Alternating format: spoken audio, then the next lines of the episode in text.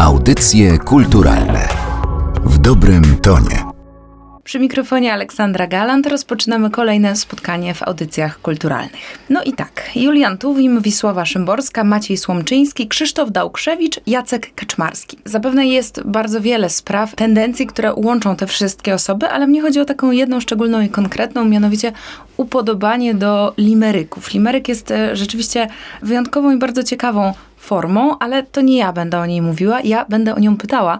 A na te pytania będzie odpowiadała pani Eliza Kącka, literaturoznawczyni z Wydziału Polonistyki Uniwersytetu Warszawskiego. Dzień dobry. Zanim zaczniemy rozmawiać i rozkładać ten limerek na czynniki pierwsze, a być może nawet sobie taki limerek stworzymy, to ja bym chciała zapytać, skąd się bierze i na czym polega fenomen limeryka, bo jest to forma lekka, luźna, wydawałoby się prosta. Tymczasem upodobali ją sobie wybitni poeci i wybitni twórcy. No jak się okazuje, jest to lepsza siłownia wyobraźni, ale przede wszystkim sprawności językowej, bo myślę sobie, że wyobraźnia tutaj gra bardzo dużą rolę, natomiast sprawność w żonglowaniu tymi frazami jest chyba sprawą absolutnie zasadniczą. Jakoś tak się stało, że on rzeczywiście jest bardzo bliski tradycji że tak powiem, szeroko anglojęzycznej, ponieważ zwykliśmy go wiązać, z, jakoś związać z Lirem w szczególny sposób, Edwardem Lirem, ale to związanie, związanie limeryków z nim było chyba związane, związane, związanie, przepraszam, przede wszystkim z tym, że on rzeczywiście wyprodukował takie bardzo reprezentatywne kawałki, do tego jeszcze ilustrowane w taki sposób, który się bardzo mocno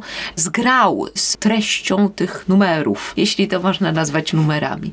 Natomiast e, na dobrą sprawę, co jest bardzo interesujące, że intuicyjnie limeryki, niekoniecznie nawet przyporządkowując je genealogicznie, układano znacznie wcześniej. To jest na dobrą sprawę sytuacja już z XVI wieku. Jak zajrzymy sobie do tej anglojęzycznej, skąd inąd również antologii Nursery Rhymes, ja tutaj skracam tytuł celowo, ale on jest takim tytułem obiegowym, który właśnie chodzi, chodzi w takiej formie, no to sobie zobaczymy, że smak do limeryków pojawił się znacznie wcześniej niż to obsadził w tradycji Lir, który był oczywiście na tyle interesującą osobą, na tyle interesującą sugestywną biografią, że to się tak ładnie z nim zgrało i później chociażby przekłady Berańczaka i paru innych u nas to podbijały ostro Stillera. No krótko mówiąc, tu się zaczęła ostra giełda gatunkowa i wtedy Limeryk już wjechał pełną parą. Natomiast na takim przytłumionym tłoku on już działał co najmniej dwa wieki wcześniej. Krótko mówiąc, to i podobne i pochodne od Limeryków formy bo tam są i nagrobki, te lepieje szymborskie i wiele innych. Trzy wersy, cztery, pięć, zależnie od upodobania i też zależnie od okoliczności. Produkowano tego całkiem dużo i tak jak pani powiedziała, produkowano nie tylko oczywiście w Anglii i w Irlandii, bo później to się mówiąc nieelegancko rozlazło i trafiło do bardzo różnych kodów językowych oczywiście. Jak się okazuje, coś z takiego skrótu fabularnego, co jest charakterystyczne dla limeryku i coś z tego wyczucia dla nonsensu, tej poezji absurdu, okazało się najzwyczajniej w świecie potrzebne i intelektualistom, pisarzom, i po prostu tłumaczom, pisarzom, ludziom, którzy robią w słowie. Czyli krótko mówiąc, zaczęło się już dawno, dawno temu, rozpędziło formalnie w wieku XIX, żyje do dziś. Czyli limerek jako taka igraszka, coś, mhm. co pozwala trochę rozerwać umysł, trochę poćwiczyć, popracować, uśmiechnąć się, ale też pozwolić sobie na to, co pan Michał Rusinek nazywa świntuszeniem. Bo zdaje tak, się, że limeryk... Frywolnością. Frywolnością, tak. Ja pozwolę sobie zacytować, to są jego słowa z wywiadu udzielonego wysokim obcasom. Mhm. Dobry limeryk nie zniesmacza, nie żenuje ani recytującego, ani słuchacza. Świntuszenie przestaje być świntuszeniem, staje się zabiegiem formalnym. Mhm. Mimo to wydaje mi się, że trudno o limeryk, który właśnie tego podtekstu, może powiedzmy w ten sposób, nie zawiera. Tak, przy tym oczywiście podtekst frywolny, taki z lekka seksualny, ale oczywiście nie taki ostro, chociaż mi się zdarzało widzieć limeryki, które były takie no mocniej powiedzmy zaangażowane w tę praktykę. Natomiast generalnie limeryk rzeczywiście, jeśli nie zjeżdża w absurd, bo to jest bardzo częste. Lear w pewnym sensie tę ścieżkę absurdu nieco ten właśnie Edward Lear sformatował o tyle, że u niego limeryk, on się w zasadzie kończył rzeczywiście. To wyjście z limeryku było jakby tak powiedzieć klamrowym powtórzeniem tego, co się działo na początku. Natomiast bardzo wiele limeryków robi coś takiego, że na samym końcu, czyli jest zahaczonych o taki kształt formalny, że na samym końcu rozgrywa coś absurdalnego, coś nonsensownego. I to jest chyba charakterystyczne. To czym pani mówi, że e, limeryk musi zawierać jakąś formę podtekstu niedopowiedzenia, to może być właśnie, jeśli nie zahacza o kontekst seksualny, taki obyczajowy, to może z kolei mówić o człowieku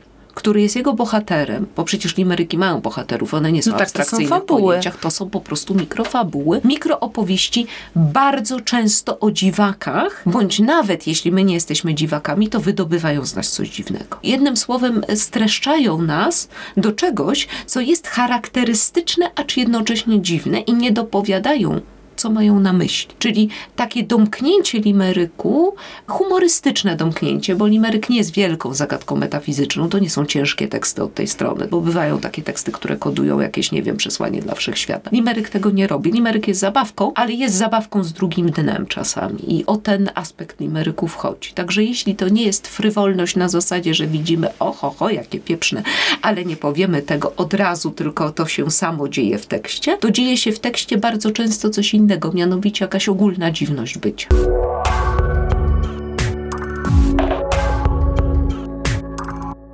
Mówimy o historii, teorii, trochę rozkładamy limeryki na czynniki pierwsze, ale tak mnie kusi, żeby przekonać się o tym, czym jest limeryk i w ten sposób opowiedzieć o tym też naszym słuchaczom, próbując taki limeryk zbudować. I tu pojawia się moja pierwsza, może nie tyle wątpliwość, co moje pierwsze pytanie. Jak się buduje limeryk? Czy najpierw mamy w głowie opowiastkę? Czy najpierw mamy w głowie postać, o której opowiadamy? Czy zaczynamy od miejsca, w którym to się dzieje? Bo przecież to miejsce jest no, taką niezbywalną składową limeryka. Myślę sobie, że to pewnie jest i tak, i tak, i tak, jak pani mówi. Chyba zależy też od tego, kto go robi. Myślę sobie, że w, kiedy limeryki powstawały w kręgach towarzyskich, a chociażby, no nie wiem, no, krąg Wisławy Szymborskiej, taki, który się spotykał, to Mrusinek jest jego świetnym reprezentantem, jak wiemy. Oczywiście robił sobie przy okazyjne nagrobki i limeryki na zasadzie zabawy, ale oczywiście ta zabawa jest wtedy zahaczona jakoś o psychę i wizerunek tych, którzy w niej uczestniczą. To znaczy, krótko mówiąc, limeryk o Wisławie Szymborskiej nie może być limerykiem, tak powiem, bez jakichś atutów, które ona ma, prawda? To znaczy bez czegoś takiego, co nam się z nią kojarzy. Tak myślę, że w ten sposób te limeryki powstają. One muszą się rzeczywiście rozpędzić od tego pierwszego wersu, który jest w zasadzie kanonicznie skonstruowany tak, że był ten stamtąd, prawda? Ktoś jest skądś, krótko mówiąc. Później ten drugi wers jest, jeśli już mówić o tym takim pięciowym. Tak, bo e, tutaj jeszcze do limeryków dokłada się matematyka, czyli liczenie Tak. wersów i sylab. Tak, tak, owszem. I tutaj te dwa pierwsze wersy, które są ze sobą zrymowane, to są zazwyczaj wersy, które są tak naprawdę ekspozycją. Był ten stamtąd, który robił coś, tak? Albo który miał coś. Krótko mówiąc, jest, to jest ta prezentacja, to jest ta ekspozycja bohatera. I to jest już absolutnie podstawowe, że limeryk bez bohatera nie istnieje, a ktoś tam miał jakąś cechę, ktoś tam coś tam zrobił. Teraz dwa krótsze wersy, które są też ze sobą zrymowane wewnętrznie, to są wersy, które w zasadzie opowiadają o interakcji społecznej. Ktoś o kimś coś myśli, ktoś o kimś coś mówi. Krótko mówiąc, wychylamy się w stronę społeczeństwa, tak żeby tak naprawdę zawiązać sytuację. Bo ekspozycja na zasadzie był sobie ktoś skądś, co robił coś, jest trochę za mało, żeby jakby to powiedzieć, jeszcze pokazać całość tego absurdu. To znaczy, absurd można wyświetlić dopiero na tle społecznym, krótko mówiąc, więc musi to jakieś minimalne tło społeczne wejść. I to jest właśnie rozgrywka na poziomie trzeciego i czwartego wersu. Piąty wers jest klamrowy, przeważnie jest dłuższy, bo pierwszy, drugi są dłuższe, trzeci, czwarty krótsze, potem piąty wyrównuje do pierwszego i drugiego. Jeśli już mówić o takim niezachwianej, bo oczywiście limeryki się rozmontowuje, montuje. Krótko mówiąc, można przekoziołkować, jak w każdym zresztą gatunki są po to, żeby na nich grać. W związku z tym można sobie skracać, przydłużać, natomiast generalnie kanonicznie powinno być tak, że piąty wers powinien rzeczywiście wyrównywać z pierwszym i drugim. I albo jest powtórzeniem, że znowu ten biedny stamtąd, albo ten właściciel tego pieska, czy krótko mówiąc jest klamrowym z modyfikacją, powtórzeniem pierwszego wersu, z modyfikacją przeważnie, jednak to nie jest literalnie to samo, co w pierwszym, tylko bardzo blisko. Albo jedziemy w absurd i wtedy już czasami ci, którzy już jechali w tęgi absurd, potrafili taki wers rozdłużyć do dwóch i nawet trzech. Potrafili raptem puścić tutaj gorset, rozwiązać ten gorset rytmiczny i pójść no, zupełnie w inną stronę. Limeryki natomiast perfekcyjnie konstruowane, a na przykład Gałczyński z Tuwimem uwielbiali bawić się w totalnie egzotyczne rymy, ponieważ ten gorset właśnie pozwalał i to chyba była główna zaleta limeryku dla takich intelektualistów, poetów, to znaczy totalne kombinowanie na tak rzadkich rymach. Szympans, szympans, bo do szympansa tylko te gąki się dadzą zrymować. O to chodzi. Tak naprawdę nie tyle chodzi nawet czasami o bohatera, co często bardziej chodzi o egzotykę rozwiązań, na klamrach wersów w taki sposób, żeby pokazać, że nikt by takiego rymu nie znalazł jak ja. To spróbujmy, bo teraz aż się czuję taka podpuszczona trochę. Wezwanie. Tak, czuję wyzwanie. Oczywiście domyślam się, że nie znajdziemy wspólnego mianownika, jeżeli chodzi o miejsce, z którego pochodzimy, ale no zakotwiczmy w Warszawie, bo jesteśmy w tej chwili w Warszawie. To myśląc o jakimś tu i teraz, można by zacząć dwie rozmawiające panie w Warszawie. Dobrze, dwie, dwie miłe panie w Warszawie. Miłe, dobrze, pozwólmy sobie na to. Oczywiście najbanalniejszy rym do tego to były kawie. Siedziały przy porannej kawie. I teraz wchodzimy w tę oś, pani I teraz, trzeci, czwarty teraz wers. wchodzimy w te osie, że coś się z nimi wydarzyło. Możemy je dalej charakteryzować, ale teraz na takim krótkim, prawda? Dwie miłe panie w Warszawie siedziały przy porannej kawie. No i oczywiście teraz trzeba by było to czymś przebić. To znaczy tym, że na przykład się strasznie zmęczyły. Potrzebne jest wprowadzenie bohatera, kogoś dodatkowego, I tak kogoś... się zmęczyły, że Głowy opuściły. No, na przykład, że głowę opuściły dwie miłe panie w Warszawie. Oczywiście to jest tak, że no, arcydzieła żeśmy nie zrobiły, ale zgodnie z wersją limeryku, to znaczy zgodnie z gorsetem limeryku, to żeśmy wykonały robotę. Ja się jadąc tutaj zastanawiałam przez moment nad Michałem Brusinkiem. Zanotowałam sobie, tylko że to jest taka robota w metrze, zanotowałam sobie coś takiego. Pan Michał z Krakowa Rusinek. Miejsce, z którego pochodzi bohater. Różnie. Właśnie Aha. różnie. To znaczy generalnie najczęściej to jest rzeczywiście pani Eliza z Lidzbarka, tak jakby miała sobie. Ale pan Michał z Krakowa Rusinek, dlatego że zaczęłam się zastanawiać, jak znaleźć rym do Rusinka i dlatego zaczęłam limerk, nie? Pan Michał z Krakowa Rusinek nie wiedział, co sen, co spoczynek. Rymował jak dziki, mnogie limeryki. No. I tak, w poezji to ważny doczynek. Przyznam, że czuję się trochę zażenowana tą historią o paniach przy kawie teraz. Nie, spokojnie. Ja kombinowałam nad Rusinkiem dłużej niż my nad paniami o kawie. To znaczy chciałam po prostu napisać wiersz o kimś, kto robi limeryki. Czyli limeryk o kimś, kto robi limeryki. Czyli już taki podwójny poziom wtajemniczenia. Tak, no pan Michał z Krakowa Rusinek nie wiedział, co sen, co spoczynek.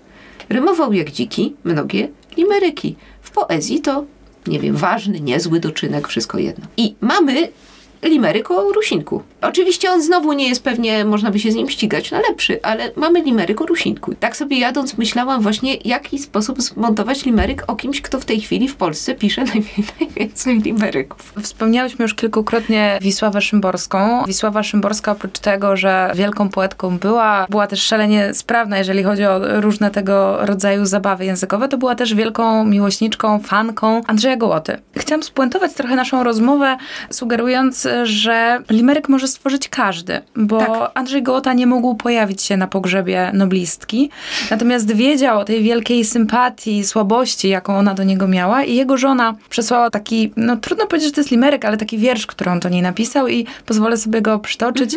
Braknie mi ciebie w moim narożniku, mimo że nigdy nie stąpałaś po ringu. Pozostają wiersze, dziękuję, to za mało. No nie, no to jest prawie nagrobek poetycki. Ja mogę jedno z Szymborskiej przeczytać? Ale oczywiście.